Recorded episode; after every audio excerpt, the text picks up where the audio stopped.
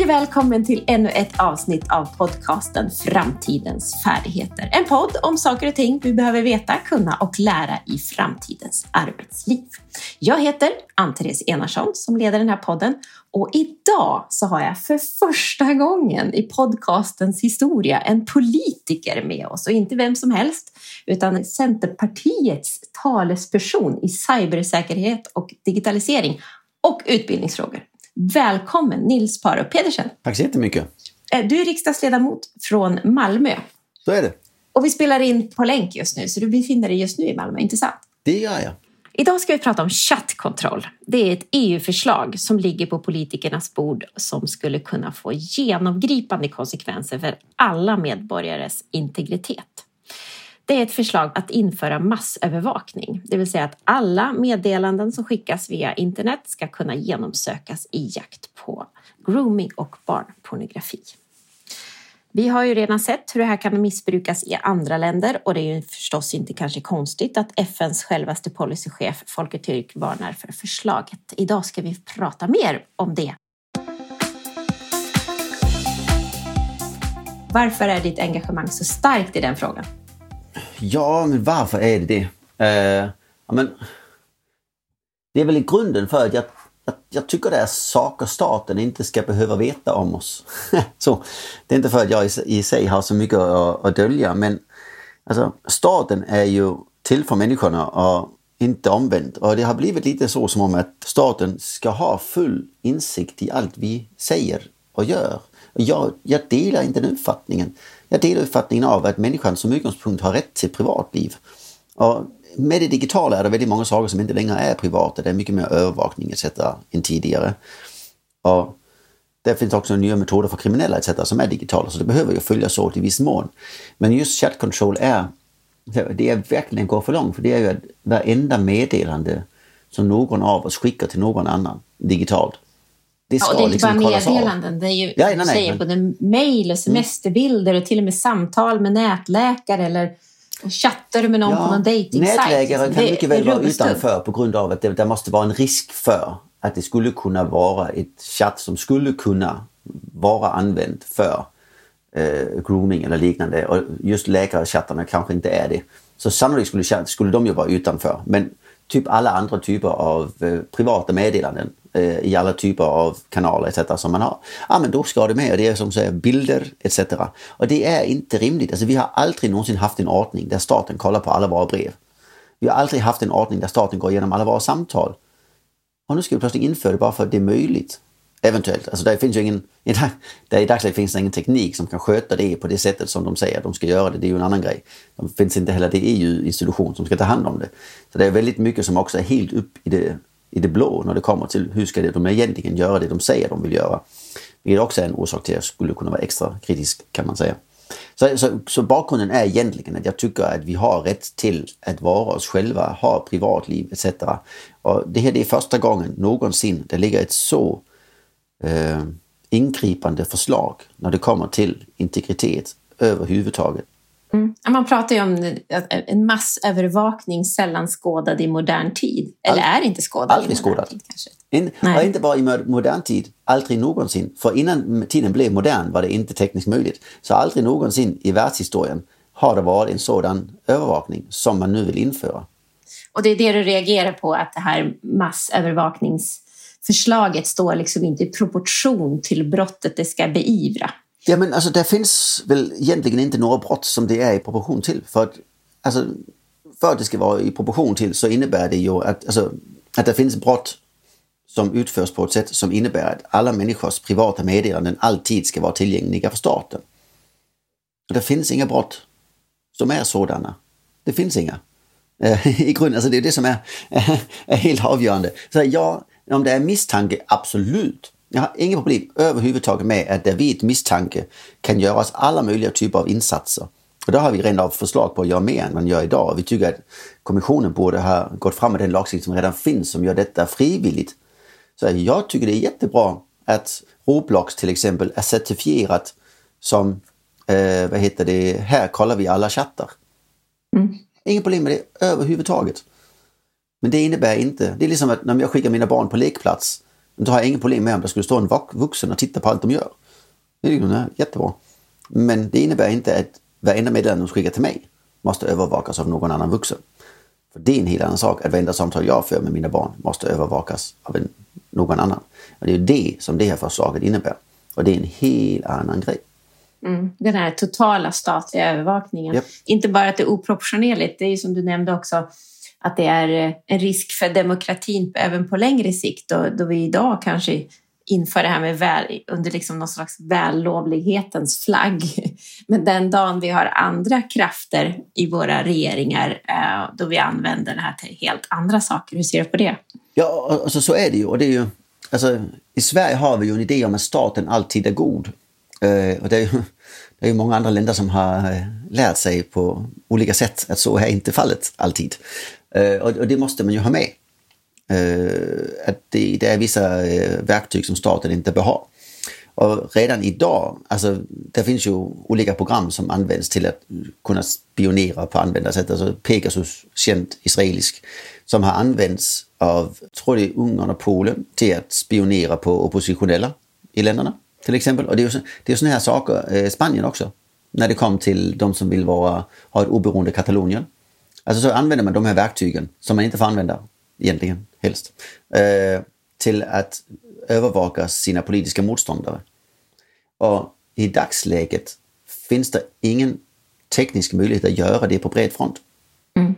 Om vi inför det här, då finns det inga tekniska hinder längre. Då finns det bara moraliska hinder och lagliga.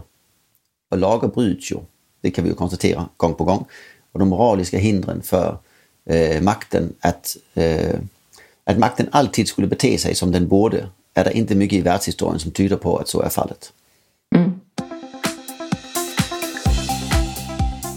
Vi har ju tittat eh, på AI-utvecklingen i Kina till exempel och påverkan på svensk tjänstemannasektor. Och där redovisar vi just hur statsapparaten redan idag och det styrande kommunistpartiet använder AI och annan teknik för att kontrollera sina medborgare för att på så sätt kunna förutsäga vilka medborgare som kan liksom kan tänkas bli illojala på sikt eller som till och med är det idag så att säga. Ehm, och det är ett sätt som du beskriver som det här kan användas eh, av den goda staten. Ja, om det nu var det. Kanske inte önskvärt i, i, i, våra demokratier. Kanske. Nej, men det är ju inte det. Och det, alltså, det, det är liksom inte så att jag inte litar på Moderaterna i det här. Att de eh, så här skulle göra saker som, som var de plötsligt missbrukar det här systemet. Jag tror alltså det är oavsett om det är Moderaterna, om det är Socialdemokraterna, eller Centerpartiet, eller Sverigedemokraterna eller Vänsterpartiet. Där finns en risk hos alla som har makten att plötsligt få ett lätt verktyg för att behålla den. Det är som att ställa fram en påse godis på, på bordet. Risken finns tyvärr. Och det, är så här, alltså, det måste man ha med sig att människor är som de är. Det krävs väldigt, väldigt hög moralisk eh, nivå att undvika att ta eh, lätta vägar till att eh, få makt eller behålla den. Och vi ser ju gång på gång, vi såg det när det handlade om att ta emot ekonomisk stöd i valet. Så hur många partier som bara säger, nej men det låter väl bra. Vi försöker hitta en omväg där för att kunna göra det. Alltså som ett enkelt litet exempel på att ja, det finns tydliga regler, ni försöker hitta vägar för att undvika dem. Mm.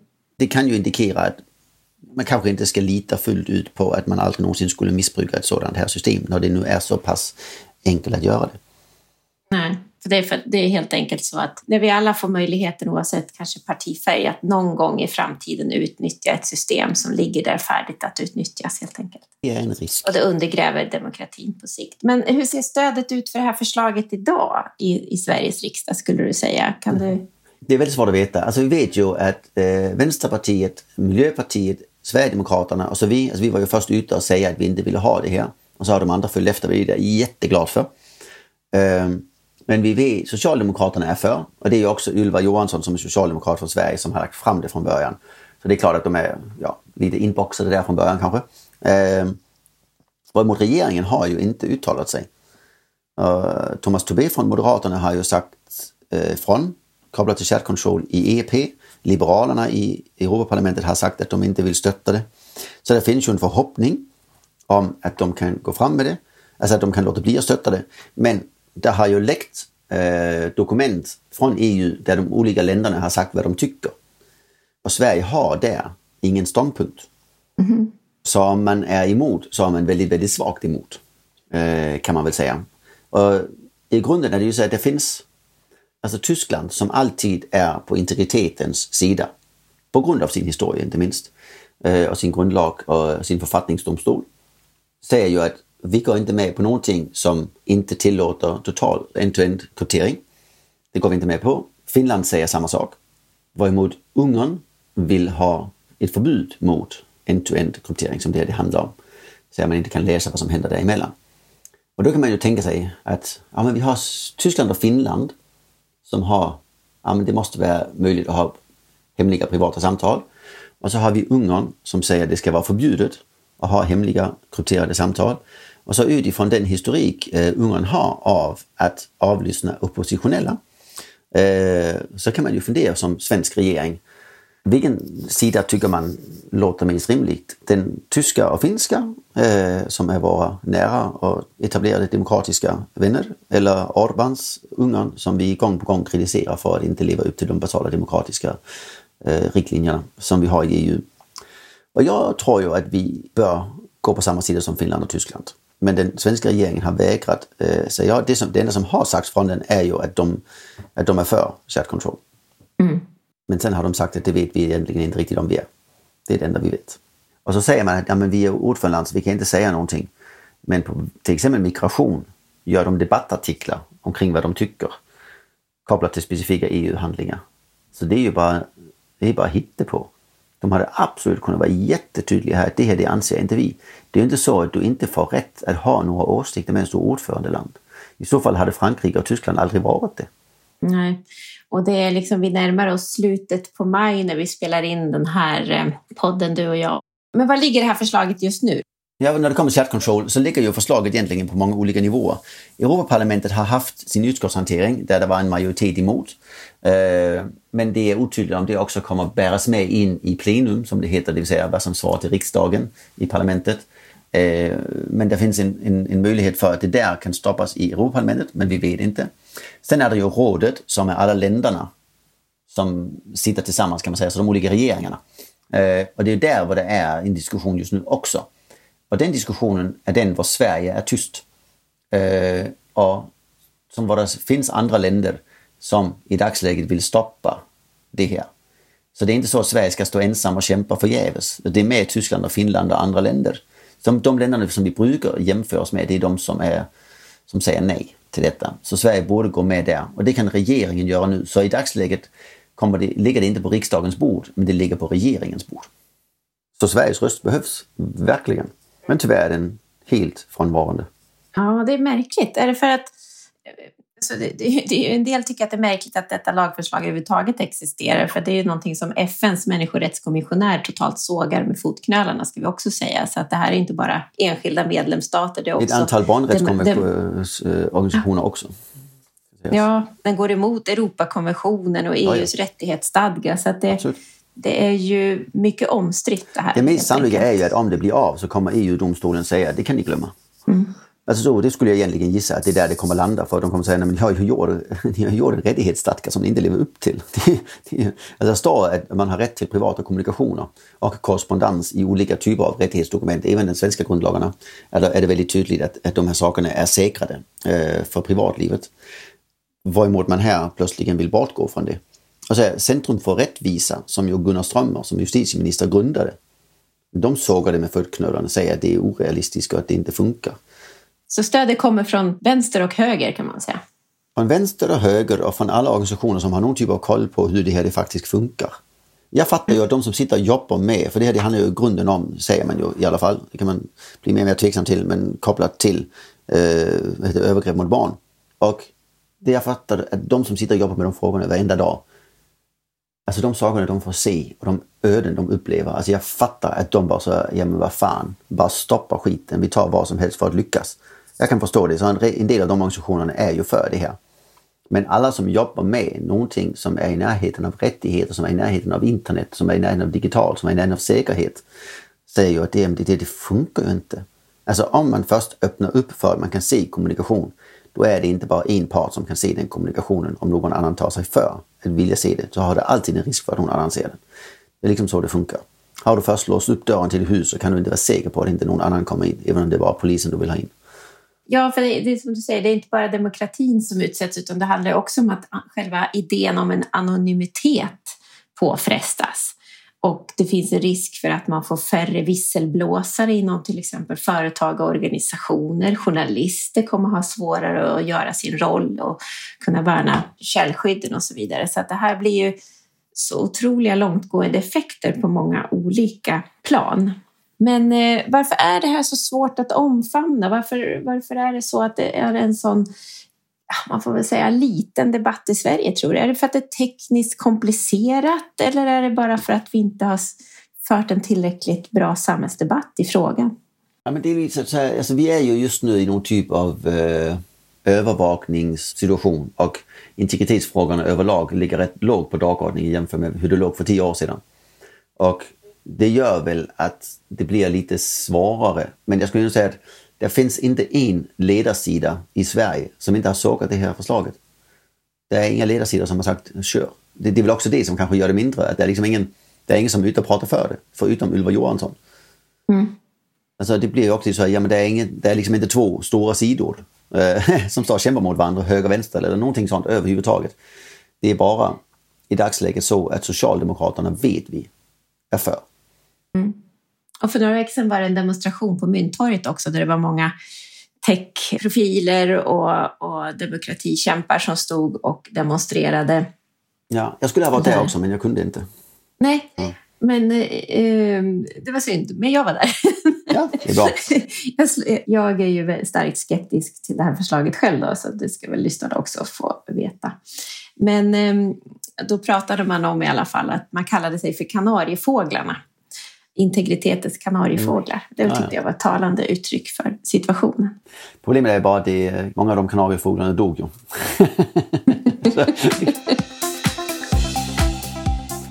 Vi är inne i ett övervakningssamhälle just nu med den innovation och den tekniska utvecklingen och vi har också gängkriminalitet man försöker komma eh, till bukt med, vilket gör liksom att integritetsfrågan i stort sett liksom åker rätt långt ner på agendan. Och det är ju livsfarligt i sådana tider när man vill göra snabba och kortsiktiga segrar även istället för att vinna de långa fight. Ja. Det, är, alltså, det, är, det är precis så det är. Att det är så här att trots att alla som arbetar med de, med de tekniska sidorna säger att det, det går inte.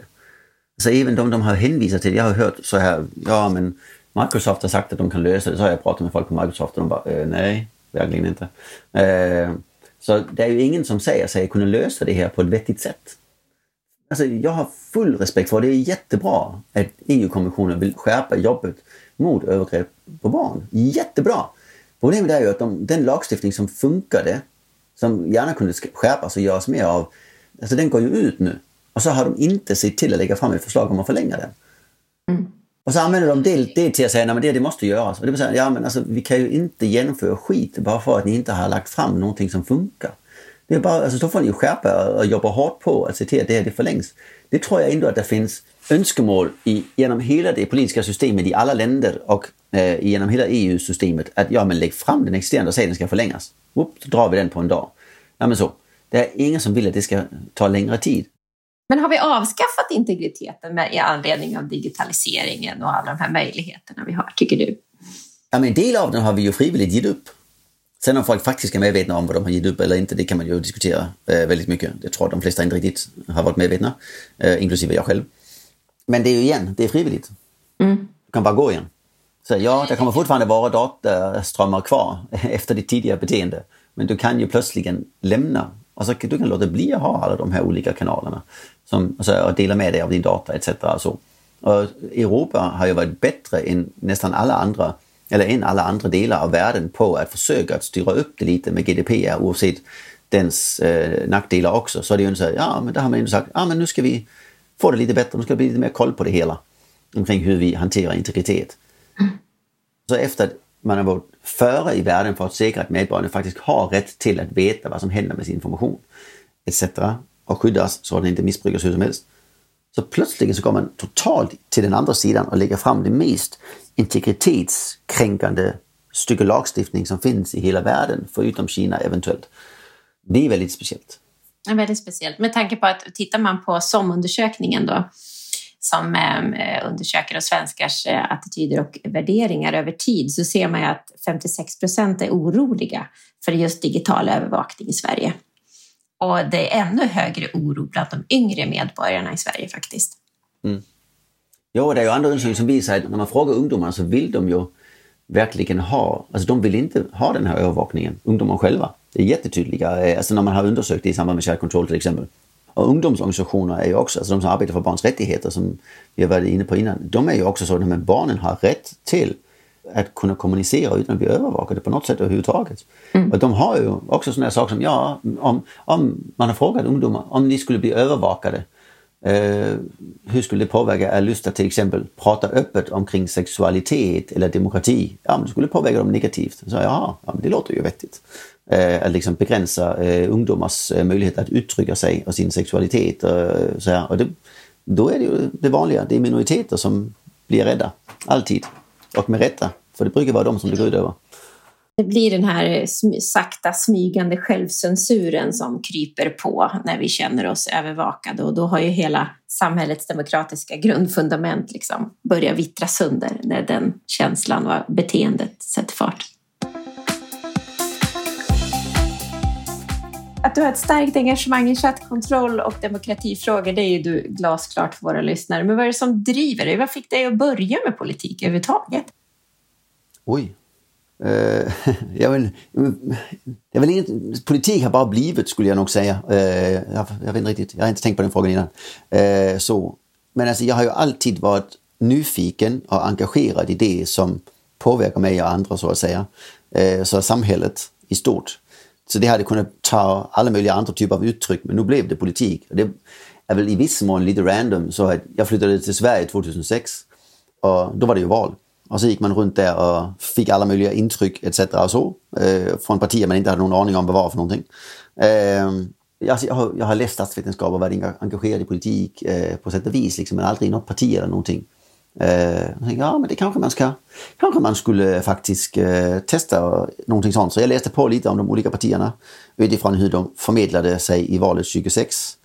Och ja, men då blev det Centerpartiet och så tog jag kontakt med den lokala avdelningen och de var glada för att jag tog kontakt. Det var det inte så många som gjorde. Eh, och så, ja, efter ett par år så kom jag i styrelsen, sen gick det ett par år, så blev jag ordförande lokalt och sen ja, så blev det så att jag blev etta på listorna etc. Så, alltså det har liksom inte, det har liksom inte varit någon plan. Det har mer blivit sådär, jaha, då tar vi det här. Och att jag kom till riksdagen, alltså, det var egentligen inte riktigt meningen för att vi har aldrig någonsin haft en riksdagsledamot från Malmö som valkrets innan jag. Alltså någonsin Centerpartiet. Så det var liksom ingenting som liksom låg i korten att vi skulle få. Så vårt mål var ju att komma in i fullmäktige för första gången på över 20 år och sen eh, förhoppningsvis styra. Och vi kom in eh, och jag var etta i kommunvalet men också på riksdagen för då mer så här, ja, låt oss få ett namn som folk kan känna igen för en gångs skull. Eh, så jag trodde jag skulle bli kommunpolitiker liksom. Men så det lyckades inte få till styre och så öppnade sig den här möjligheten och bara så ja, antingen så får jag skala ner så att jag faktiskt kan ha lite tid eh, med andra, för jag hade ju både jobb, företag och politik på ideell basis och det var lite svårt att få ihop. Eh, så jag säger antingen skala upp eller skala ner. Så, jag, sa att jag lever på bara en sak och inte många olika. Så det blev så, ja men då testar vi riksdagen. Liksom. Så det var, det var verkligen inte tanken. men det som, det som driver mig är egentligen att det är inte så rättigheter i någon typ av diffus mening, skulle jag inte säga. Men just den här basala grejen i att alla människor har rätt att kunna forma sina liv själv. Mm.